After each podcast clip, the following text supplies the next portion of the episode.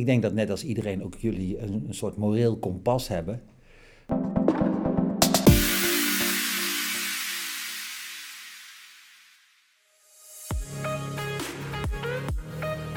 Welkom bij de podcast van Kop tot Staart. Wij zijn Puk en Sabrina. En wij nemen jullie mee van A tot Z in de wereld van de proefdieren. Nieuwe podcast. Ja, We hebben weer een gast. zeker. En eh, deze gast mag zich gaan voorstellen. Nou, mooi. Allereerst dank jullie wel voor de uitnodiging. Graag gedaan. Bijzonder dat ik hier mag zitten. Eh, mijn naam is Leo. Ik ben eh, teamleider van een onderzoeksafdeling van een gerenommeerd kankeronderzoek. En daar ben ik eh, verantwoordelijk voor de, ja, hoe zullen we het noemen, de dagelijkse operationele zaken die er zijn. Dus dat varieert van personeel tot aan de dieren, het welzijn, gebouw. Nou, bedenk het maar.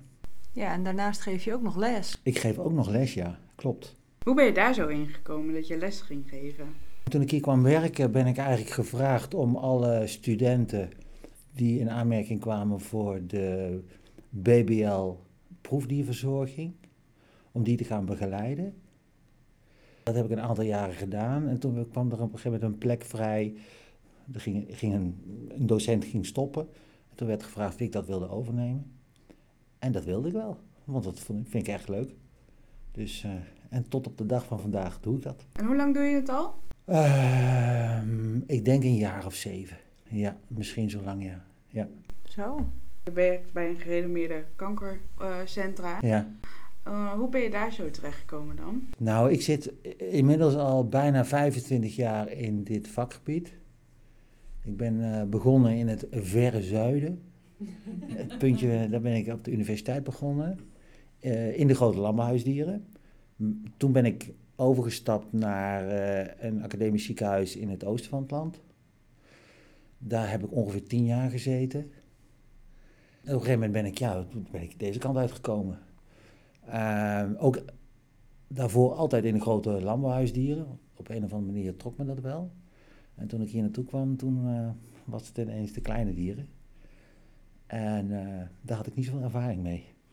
Dus dat moest allemaal nog wel... eh, maar goed, dat is snel gegaan. En, Maar als je het nu een beetje vergelijkt, want je bent al grote landbouwhuisdieren gewend en dan nu wat kleine knaagdieren. Wat vind je eigenlijk? Dat is moeilijk, moeilijk om hem te antwoorden, want de grote landbouwhuisdieren, ja, dat is allemaal wat groter en op een of andere manier voel je daar toch wel iets meer interactie mee. Maar het inhoudelijk vak is hier wel veel interessanter. Want hier eh, zit je ook echt op het eh, DNA-niveau en eh, ja, wat er allemaal in de muis gebeurt, dat is, is wel heel interessant. Dus het is moeilijk om daar een eerlijk antwoord op te geven. Ja, snap ik. Er zijn te veel dingen die, eh, die leuk waren, maar hier ook leuk zijn. Ja, nou, absoluut. Dus eh, Ja. Nou, dan beginnen we eigenlijk eh, met de echte vragen die je ook eh, via de mail hebt gekregen. Want eh, wat is er volgens jou belangrijk aan de proefdiersector? ja, oef. wat daar belangrijk is. Nou, dan doel je natuurlijk op het, het doen van eh, experimenten met dieren. En wat daar het belang van is. Het is natuurlijk wel een beetje een persoonlijk eh, iets. Hè? Iedereen heeft zijn of haar eh, afwegingen om, om, om het wel of niet goed te vinden of, of goed te keuren. Ehm, ja, ik heb gewoon in mijn omgeving veel mensen meegemaakt die eh, ziektes hadden. En die op een of andere manier nog steeds om, ja, bij mij zijn. Eh, doordat er gewoon goede behandelingen zijn geweest. En ja, daardoor denk ik dat, dat het proefdiergebruik, of tenminste proefdier, het, het gebruik van proefdieren, daar wel een hele grote bijdrage aan geleverd hebben. Maar daar mag je natuurlijk wel kritisch over zijn, van, want niet alles heeft natuurlijk een bijdrage. Dus eh, ik denk dat net als iedereen ook jullie een, een soort moreel kompas hebben, waar je jezelf een afweging maakt van wat, wat vind je wel toelaatbaar en wat niet. Nou ja, zo heb, heb ik dat ook, net als dat jullie. Dus. Maar in het algemeen denk ik dat het wel eh, een grote bijdrage levert aan nou, bijvoorbeeld het oplossen van het vraagstuk kanker natuurlijk. Ja, want heb, heb je zelf mensen in je omgeving gehad die... Ja, nou zelf. Ik heb zelf natuurlijk ook kanker gehad. Ik was 27 en toen ja, was ik net, net aan het afstuderen en toen kreeg ik ook door kanker. Nou ja, dan stort in principe je hele wereld in. Je, je toekomst is onzeker, alles erop en eraan. Maar ik ben natuurlijk blij geweest dat er, een, uh, dat er voor mij een goede behandeling mogelijk was. Uh, nou ja, goed, uh, dat, is niet, dat is op zich niet makkelijk natuurlijk om daar doorheen te gaan. Maar uiteindelijk, ja, prima. Ja, en ik denk dat ja, wat ik vooral heb, ik heb natuurlijk zelf ook ervaring mee. De behandeling zelf is nog heel desastreus. Het vernietigt zoveel onderweg. Je bent aan het einde ben je blij dat je er bent. Maar het liefste bespaar je een ander zo'n heftige behandeling. Ja, het is gewoon een rollercoaster waar je in zit. En, en op dat moment denk je er niet zo bij na. Tenminste, ik niet. Je was gewoon blij dat er iets was wat je beter kon maken. Uh, en het heeft zeker, ja, niet voor niks wordt je, word je zeker nog vijf jaar onder controle gehouden. En dat heb ik zelf persoonlijk ervaren als de moeilijkste jaren. Uh, de onzekerheid die het heeft, maar ook nog het herstellen van. Maar dit heeft niet meegedragen, of tenminste meegedragen, dat ik bij dit centrum ben gaan werken. Want nee, dat, daar heb ik nooit uh, bij stilgestaan. Later realiseer je dat. denk je, hé, hey, ik, uh, ik kan een, um, een, een, kleine bijdrage meeleveren aan het oplossen van het vraagstuk. Maar goed, er zijn zoveel mensen bij betrokken binnen dit instituut. Ja, iedereen heeft daar zijn of haar ja, een rolletje in en doet een bijdrage. En uh, ik denk dat we met z'n allen, nou, mag ik wel zeggen, vrij goed op weg zijn.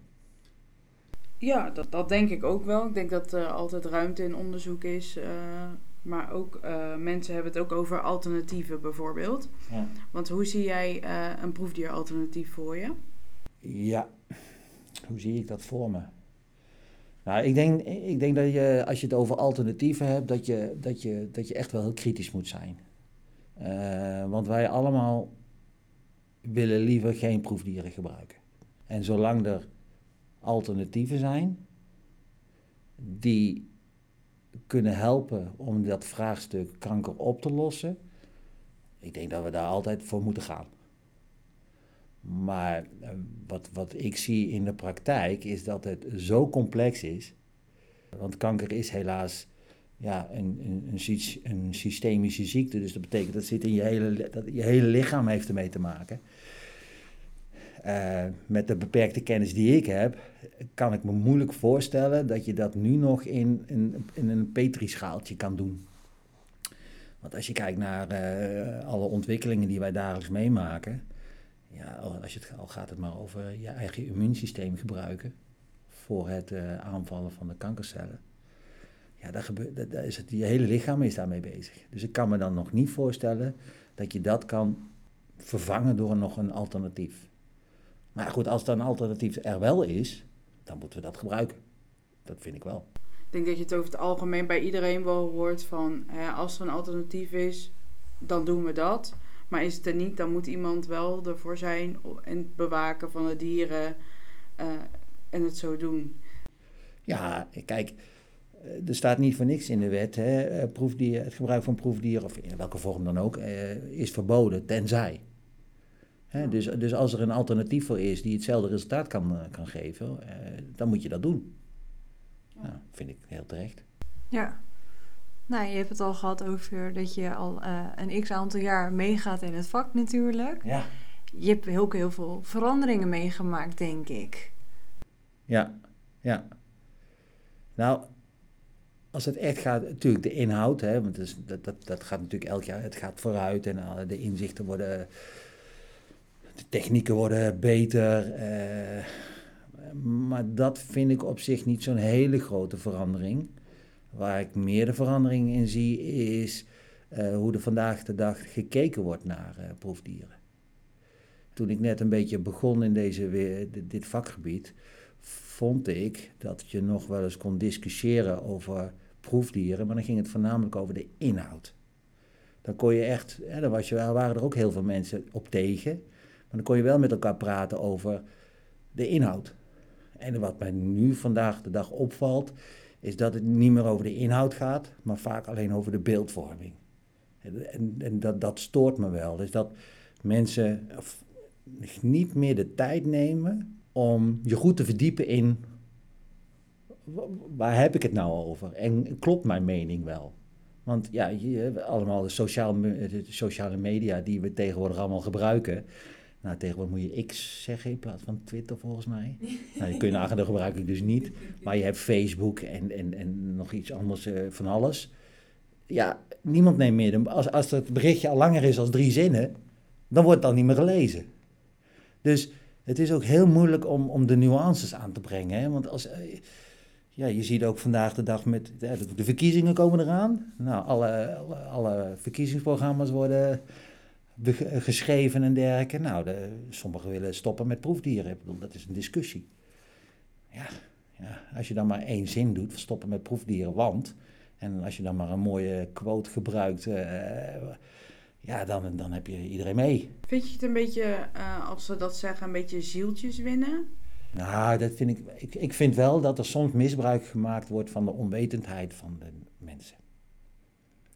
En daar hebben wij, denk ik, nu, ook door middel van deze podcast, echt wel een rol in om gewoon ook de juiste informatie te verschaffen van hoe gaat het nou echt.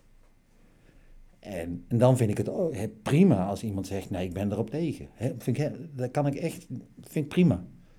Maar doe dat dan wel op basis van feiten en niet op, op gevoel. Want het eerste wat je hoort als, je, als ik zeg ik werk met proefdieren, oh, zielig. Ja, het is ook zielig. Dat vindt iedereen. Maar ze kunnen dan niet vertellen waarom het zielig is. Dus dit is allemaal, dat, vind ik, dat vind echt heel lastig vandaag de dag. Dus dat het, eh, Is dat ook een beetje omdat het altijd een beetje binnenskamers is gebleven, proefdieren?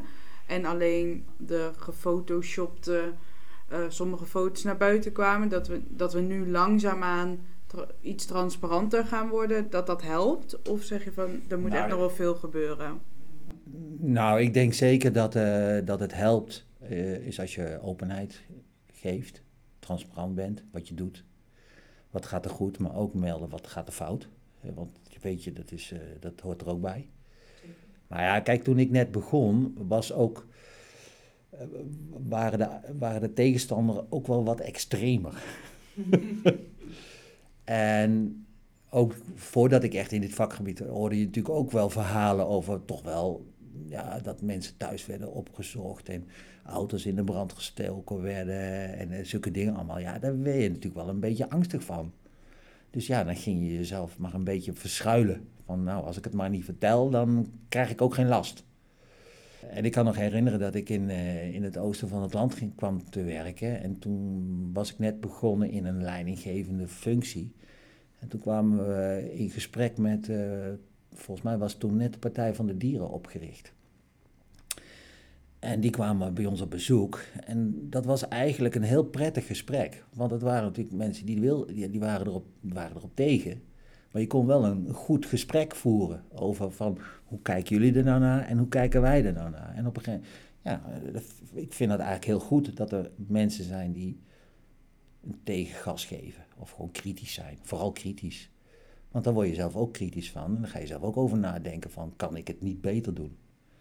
Maar de loop van de jaren zie je dat toch wel een beetje ja, anders worden. Dus veel oppervlakkiger en meer op de beeldvorming dan op de inhoud. Ja, en eh, zo is dat natuurlijk wel gegroeid. Hè? Die geslotenheid is wel, hij had, wel een reden. Maar ik denk dat het wel goed is dat het vandaag de dag wel wat eh, opener is.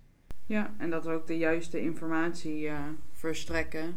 Zowel de podcast als, een, als eventuele beeldvorming die naar buiten komt. Ja, ja, ik denk het wel, ja. Nou, we hebben het natuurlijk al even gehad over het feit dat je, dat je les geeft. ja. En eh, nou ja, wat voor les geef je dan eigenlijk? Ik geef voornamelijk eh, huisvesting en verzorging van eh, proefdieren. Eh, ik geef lessen over diermodellen. En soms genetica. Soms. Ja, dat is meer. Lesgeven kost veel tijd. Ook veel voorbereidingen. Dus je moet het dan een beetje kunnen combineren met je dagelijks werk. Dus ehm, ik val wel eens in voor de genetica, maar die andere twee doe ik wel. En eh, dat is leuk. Want kan je ons, of de luisteraars zeggen, wat er zo moeilijk of zo makkelijk is aan huisvesting van een proefdier? Nou ja, dat is heel complex. Het begint al met de wetgeving die erachter hangt. Dus ehm, het is allemaal in, ehm, ja, in regelgeving eh, gegoten. Want een dier moet, moet zich kunnen gedragen, natuurlijk kunnen gedragen. Nou, hoe zit het met het voer? Hoe zit het met het water? En met de luchtvochtigheid en met de temperatuur? En ja, je begint al met een gebouw. Je moet een gebouw hebben waar je dus dierproeven kan doen. Want als je dierproeven doet, moet je eigenlijk ervoor zorgen dat je zo min mogelijk verstoringen krijgt. Dus, dus, dus factoren die het kunnen beïnvloeden. Nou, dat is al sowieso temperatuur, luchtvochtigheid, licht, voer, huisvesting, alles erop. Er zijn allemaal factoren. En daar moet je wel kennis van hebben om dat allemaal zo stabiel mogelijk te houden. Want als je vandaag een experiment doet dan, en je, je gaat het volgende, volgend jaar herhalen, dan wil je wel dezelfde resultaten hebben. En dat kan je alleen maar doen als je de omgeving waar je in werkt, waar je de experiment doet, zo stabiel mogelijk houdt. Vandaar dat die gebouwen zo ontzettend duur zijn.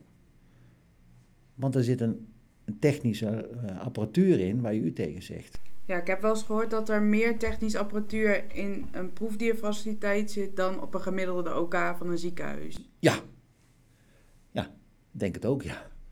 ja. als je bij ons boven kijkt, het zijn twee verdiepingen, wat helemaal vol staat met allemaal, alleen maar om de, het klimaat in het gebouw constant te houden.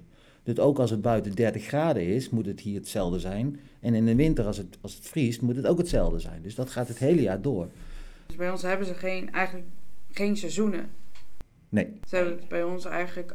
Ehm, kijk, als wij een dier in de dierenwinkel kopen, dan kunnen we die binnen of buiten zetten. Maar ja, als wij het zomer hebben, dan zitten ze in 32 graden. En als het winter wordt, wordt het in één keer 18 in huis. Laten we even vooropstellen dat ze in huis zitten. Dus die dieren hebben een enorme schommeling. En die hebben ze hier in een proefdierfaciliteit hebben ze die niet. Nee, en dat wordt ook bewust zo gedaan, omdat je die, die invloeden daar, die wil je gewoon niet, niet hebben in je experiment. Maar dat is dan een klein gedeelte, zo heb je het ook over de, de, de dieren zelf die je gebruikt. Die wil je ook uh, zoveel mogelijk gelijk hebben. Hè? Dus met andere woorden, dat er geen genetische verschillen in zitten. Daar moet je dan ook rekening mee houden, dat je op de juiste manier de dieren fokt.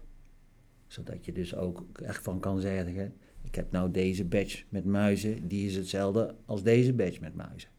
Maar daar gaat ook natuurlijk een heel fokproces aan vooraf. En ook inzicht van, hoe moet je dat nou fokken? En, en, en, en hoe lang kan je daar nou mee fokken? En ja, er komt van alles bij kijken. En dan heb je het nog niet eens over de, de mensen die er werken. Ja, die moet je proberen ook zo op te leiden dat ze allemaal volgens hetzelfde processen werken. Dus dat ze allemaal op dezelfde manier de kooien verschonen. Of het water of, of schoonmaken of wat dan ook. Want dat heeft ook allemaal invloed. Ehm, als de dames een lekker luchtje op hebben, heeft dat ook invloed op de dieren. Nou, eh, de heren hebben soms ook wel eens lekker luchtje op. Hè, dus dat gaat, eh, maar even als voorbeeld, dat heeft heel veel invloed als een van jullie een slechte dag heeft, je hebt slecht geslapen, je komt een beetje zagrijnig binnen, dat heeft weer invloed op de dieren. Dus dat zijn allemaal factoren waar je rekening mee moet houden. Ja, ja want uh, de volgende vraag is eigenlijk: hoe zie je de toekomst van de proefdierverzorger uh, voor je? Dus uh, over een, natuurlijk komen ieder jaar uh, gelukkig nog steeds nieuwe proefdierverzorgers bij. Alleen hoe zie je daar de toekomst van? Omdat het nu wel ja, oud in die open is, is het altijd al geweest. Maar we worden steeds transparanter. Hoe krijgen we dat mensen net zo graag bijvoorbeeld bij ons willen werken als in een dierenwinkel? Nou, het, het, eerste, het, eerste zou ik beginnen met, ik zou in het algemeen veel meer waardering willen zien voor de, voor de dierverzorgers. Ik vind het wel een beetje onderschat. Uh, want de verantwoordelijkheid die de dierverzorgers dragen, ehm, ben ik van mening dat, dat, dat het best hoog is. Dat is best zwaar. Eh, je begint al met dat je keuzes hebt tussen leven en dood. Ik bedoel, daar maak je beslissingen over. Bent verantwoordelijk wat ik, ja, voor alle aspecten die invloed kunnen hebben op het experiment. Daar moet je wel goed over nadenken, dus daar ben je dagelijks mee bezig. En wij hebben soms, ik heb wel eens een keer uh, bijgehouden, hè, als een dierverzorger uh, de, de, dieren moet controleren. Die staat per kooi ongeveer 20 keuzes te maken. Gewoon keuzes te maken. Krijgt deze water? Krijgt deze voer? Zijn ze gezond? Moet de kooi verschoond worden? Is er ongerief? hoe is de temperatuur? En dan gaan we door. We moeten allemaal keuzes maken. En dan gaat het gewoon, en dan heb je het over één kooi. En dan staan er, nou, zoveel, dan staan er duizenden. Dus je bent continu bezig met keuzes maken. En die keuze moet je zelf maken. Je kan niet elke keer naar iemand toe lopen van welke keuze heb. Dus ik vind die verantwoordelijkheid die ze dragen, vind ik best hoog. En dan in combinatie met wat daar tegenover staat. Nou, uh, waardering, uh, schouderklopjes of wat dan ook.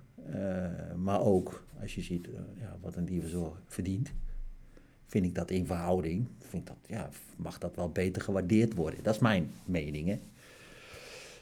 Want ik denk als jullie dezelfde werkzaamheden in de kliniek zouden doen, dat dat wel beter gewaardeerd zou worden. Dat denk ik wel, ja. Denk ik. Ja. En dan moet je ook nagaan, is dat het ook, de proef die je gebruikt, heeft een heel groot afbreukrisico. Hè? Dus met andere woorden, als wij iets heel fout doen, echt fout, grote vergissingen maken, en het komt buiten, wat voor reden dan ook, dan kan het heel groot gemaakt worden. Het kan heel veel consequenties hebben. Dus je bent dagelijks bezig om ook het instituut als het ware te, te beschermen voor. Voor eventuele ja, negativiteit. Ja, ja. Want het is wel iets van, je bent er dagelijks mee bezig. Je staat er echt tussenin. En dan heb je het nog niet eens over de, de negatieve signa de, eh, signalen die je krijgt of de gesprekken die je moet voeren. Je moet je altijd verdedigen. Dan ben je, altijd, je ben je altijd aan het verdedigen van wat werk je doet. En, snap je? Maar je moet ook altijd wel positief blijven. snap je? Dus eh, het lijkt me, ja, ik, eh, nou, dus ik hoop gewoon meer waardering voor het vak. Ja, en ik denk in het algemeen dat, dat wij in Nederland echt hele goede dierzorg hebben. Ik heb al heel wat instituten gezien en ik heb ook, en ze doen het allemaal op, op zijn of haar manier. Uh, dus er is geen oordeel over goed of fout. Maar wat ik wel heb gezien is dat het overal ja, echt gedreven, gemotiveerde, die hebben echt hart voor de dieren. Ja, ja. ja zei Mike ook al van uh, ja, jullie, dat sommige proefdierverzorgers gewoon wakker liggen omdat er een muis niet lekker loopt of gewoon dat niet lekker gegaan is, die handeling. En dan liggen ze daar soms het hele weekend van wakker of denken ze erover na, nemen ze het mee naar huis. Ja, maar je moet je ook realiseren dat, dat er is nu wel meer, er wordt wat meer over gesproken. Hè? Maar ja, wij hebben het hier in, in dit gebouw ook gehad over uh, passion fatigue, compassion fatigue. Dat betekent dat, dat het gewoon normaal is, is dat je ja, je, je dusdanig betrokken kan voelen bij dieren, dat je daar ook emotioneel last van kan krijgen. En dat was natuurlijk altijd een beetje een ondergeschoven, ja, daar praat je maar niet over, want de eerste reactie die je kreeg van ja, dan moet je maar een ander, ander vak zoeken. Dat hoort erbij. Ja, ik vind dat het er helemaal niet bij hoort. Dat het, het is een onderdeel van. Je mag je best vervelend voelen over dat je dieren moet euthaniseren. Want als je dat niet hebt, dan denk ik ook niet dat je geschikt bent voor dit werk. Nee, nee, daar hebben we het ook wel eens eerder over gehad. Dat er wel, ja, ah, soms zie je mensen van, oh, die kunnen dit trekken. En soms van mensen van, ah, ik denk niet dat dit het juiste vak is voor jou. Nee, maar je moet daar een balans in vinden. Ja. Je moet daar, ook op een of andere manier moet je daar een weg in vinden. Dat je, dat je als het, het moet gebeuren, want het is beter voor een dier Hè? Maar je mag, je mag je daar zelf best wel rot over voelen. Ja. ja, dat vind ik niet meer dan normaal. Zeker. Ja, eigenlijk heb je ook wel een beetje de, vraag, de volgende vraag beantwoord van... wat betekent een proefdierverzorger voor jou? Want Ja, je bent nou, zelf teamleider, je geeft les aan proefdierverzorgers. Ja, ja, ja. Nou, ik heb al, dat, ja, dan, blij, dan herhaal ik wat ik heb gezegd. Een proefdier, dat, vind ik, dat zijn eigenlijk de belangrijkste mensen binnen een proefdierfaciliteit. Ja, denk ik wel. Want zij zijn degene die er tussenin staan en de ogen en de oren zijn van iedereen die iets met proefdieren doet. En ik denk ook wel, ja, het klinkt een beetje gek, de stem soms van de muis. Ja, ja, ja, ja. Ik denk wel iedereen die met proefdieren werkt, welk niveau je ook zit, altijd wel een, een, een- een, een bepaalde, weer dat morele kompas heeft van wat kan wel, wat kan niet. En dat ligt bij de een, dat, dat is niet overal bij iedereen hetzelfde. Maar ik denk als, als je het gewoon kijkt, dat iedereen wel een bepaalde ja, zorgvuldigheid heeft als je met proefdieren omgaat. En dat is, eh, ja, dat, dat, dat, dat, ben ik van mening dat dat wel is.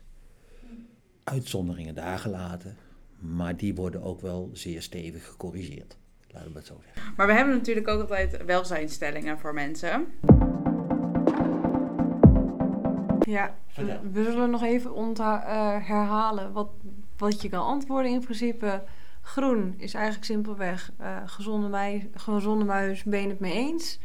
Oranje is ja, niet helemaal eens, niet helemaal oneens. En rood is gewoon eh, eh, tot eh, hier en niet verder. En je mag je antwoord altijd gewoon uitleggen waarom je hem zo denkt. Nou, kom maar op. Soms zijn er beslissingen die genomen moeten worden over het dierenwelzijn heel lastig. Ja, eh, tuurlijk. Dus, dat is dan groen, hè? Ja. Nee, dat, dat is dagelijks. Je bent dagelijks keuzes aan het maken. Maar er zit ook altijd wel een afweging in, hè? Een dier die, eh, die ondergaat iets. Dus die, on, die heeft ongerief. En dat ongerief moet eh, afwegen op, op het resultaat. Dat is, ja, dan, dus die balans moet goed zijn. Ja, en je bent wel regelmatig een beetje daarop aan het balanceren van gaan we door of stoppen we? Gaan we door of gaan we stoppen? En je kan ook zeggen, ja, nu, nu gaan we stoppen, maar dan heeft het hele experiment is dan niet meer. Gaan we dan nog een dagje wel door, want dan heeft het experiment wat opgeleverd. Dus die balans, die spagaat, ja, daar zitten wij met z'n allen dagelijks in. Eigenlijk wel, ja. Ja. Want hoeveel heb jij in jouw teamleiderschap eh, te maken met eh, dierenwelzijn? Ja, je bent natuurlijk verant- verantwoordelijk voor de operationele zaken, dus daar hoort ook welzijn bij. En dat betekent ook dat alle processen die je met elkaar hebt afgesproken in het voordeel van het welzijn van de dieren, dat die ook zo opgevolgd worden en zo gedaan worden. Dus dat, daar heb je mee te maken. En in principe hebben wij natuurlijk proefdierdeskundige dierenartsen die uiteindelijk het eindoordeel geven over wel of niet. Hè. Eh, dus daar bespreek je al die zaken mee. Maar wij zijn natuurlijk ook degene die ook dingen gewoon lokaliseren. Of, of tenminste waarnemen van, joh, daar is het welzijn in het geding. Of kwetsbaar, of hoe je dat ook noemen wil. En dan ga je natuurlijk de mensen erbij betrekken die daar inhoudelijk zeggenschap over kunnen hebben. Of tenminste ook bevoegd zijn om daar beslissingen in te nemen. Uiteindelijk, als er niemand is die een, die een beslissing kan nemen, dan neem ik hem zelf. Nou, eh, volgende stelling. Het is leuk als je sommige experimenten tot een succes kan afronden. Ja, tuurlijk. Misschien kunnen jullie nog wel voor je halen dat er de wereld draait door. Hè? Daar ehm, kwam regelmatig iemand van het instituut een verhaal vertellen over de voortgang van het kankeronderzoek, in het algemeen. En er werden natuurlijk ook voorbeelden genoemd over eh, combinatietherapieën en, en, en nieuwe ontwikkelingen en eh, weet ik het allemaal. En regelmatig zat ik dan eh, voor de televisie en dan zeg ik, hé, hey, dat ken ik. Daar heb hebben wij ook wat mee gedaan. En dat is dan wel, wel, wel, wel goed om te zien dat je zegt, nou, dat kleine schakeltje wat wij zijn, dat, dat, toch, dat je toch een bijdrage levert aan iets. En dat is wel wel leuk om te horen of ook om te zien. Ja, Ja. Dat het uiteindelijk toch in de kliniek echt gebruikt kan worden. Ja, ja, ja, ja zeker, zeker. En dat jij hier aan de basis staat van iets wat ja, toch wel heel bijzonder is. Nou, dan is de volgende eigenlijk. Ik ben liever teamleider dan bezig als docent. Nou, eigenlijk vind ik het dat het eigenlijk allebei hetzelfde is. Maar als je zo'n keuze zou moeten maken. Nou, dan wordt het waarschijnlijk oranje, denk ik. Hè? Dus het middenin. nee, ik vind eigenlijk allebei is binnen je rol als teamleider, maar ook als docent, probeer je altijd de mensen om je heen, die, waar, je mee te maken hebt, probeer je altijd eh, te begeleiden, eh, zodat ze het vak wat ze moeten gaan uitvoeren, of gaan uitvoeren, of voor gaan leren, dat ze dat zo goed mogelijk kunnen doen. En daar zitten allerlei aspecten bij die dat in de weg zitten. ja, eh, kijk maar naar de privésituaties, capaciteit, allerlei andere dingen. En dan vind ik het zelf heel leuk om te doen, is iedereen ja, dan de- te begeleiden of te, te helpen of te motiveren of wat dan ook. Om ze toch daar te krijgen waar ze moeten zijn. Dus, en dat gebeurt in mijn rol als teamleider heel veel, maar ook als docent. Dus daarom komt het mooi over. Ja, daarom is dat leuk en het is een mooie combi. En zou jij jezelf over, laat zeggen, tien jaar nog steeds hier zien zitten? Op dezelfde functie? Er wordt wel vaker gevraagd, hè, algemeen, van waar zie je jezelf over tien jaar? Maar ik denk dat jij dat ook wel misschien ervaart. Als je iets achter de rug hebt gehad wat, wat je hele leven op de kop kan zetten, dan, dan denk je niet zo ver meer vooruit. En dan, dan denk je bij jezelf, nou, laten we, laten we een jaar vooruit denken. Nou, prima, dan zien we het dan wel. Ja, ik bedoel, eh, ik heb daar niet zo heel veel mee dat, dat, dat ik moet gaan vertellen van waar ik over tien jaar zit. Vind ik helemaal niet interessant. Nou, nou vragen we ook altijd aan de mensen van of ze nog iets mee willen geven aan de luisteraars. Wat zou jij willen meegeven? Daar heb ik over na zitten denken. En wat ik eigenlijk mee wil geven is, eh, en dat is ook weer wat ik toevallig gisteren op de televisie zag voorbij komen. Dat was eh, tevens weer een reclamespotje over het Kika. Daar werd onder andere gezegd van 81% van de kinderen die kanker krijgen genezen. En zo hebben we ook een spotje voorbij zien komen, reclame van het eh, Maxima Instituut, het Kinderkankerinstituut in Utrecht. Eh, ook daar werd gesproken over van 80% van de kinderen worden genezen. En op naar de 100% werd erbij gezet. En toen ging ik mezelf afvragen van met alle negativiteit die je vandaag de dag tegenkrijgt, of hoort. eh, mensen die het willen afschaffen, die vinden dat het niet meer moet gebeuren. Of de, dan denk ik, hoe kunnen wij nou voor elkaar krijgen dat we die 20% gaan behalen? Erbij, dan 100%. Daar moeten we met z'n allen eens goed over nadenken. En of dat daar nou proefdieren bij horen of niet, dat laat ik even in het midden. Maar ik denk wel dat we de 80% die we bereikt hebben, ook heel veel te danken hebben aan het gebruik van proefdieren. Daar Dat- ben ik het wel mee eens. Ja, dat denk ik zeker. Want dat vergeten mensen dat ook de muizen ook gebruikt worden. Of wat voor dier dan ook bij kinderkanker. Ja. En het zal je kind maar zijn die dan toevallig in die 20% zit. Ja. Ik kan me niet inbeelden. Nee, maar, niet inbeelden. nee, maar eens even realistisch gezien. En dan ga ik niet zeggen van, we kunnen dat alleen maar bereiken, die 20% door proefdiergebruik. Nee, ik wil alleen meegeven van, denk goed na wat je roept. Ja. Ja, en wat we eigenlijk continu roepen, als je vragen hebt, vraag het gewoon aan degene die er werken. Ja, ja. We zijn niet beroerd, denk ik, om vragen te beantwoorden. Uh, maar vraag ze vooral en ga niet vanuit dat het zo is. Nee, niet vanuit je buikgevoel, van je emotie. Want je weet zelf wel, en dat hebben we allemaal wel eens last van, als we praten vanuit emotie, dan verlies je soms wel eens de realiteit. Dat denk ik wel, ja. Ja, Heb je nog vragen voor ons? Nee, Nee, dat kan. dat kan. Nou, dan eh, wil ik je hartelijk bedanken dat je in deze podcast eh, wilde zijn en eh, je medewerking eh, aan wilde verlenen.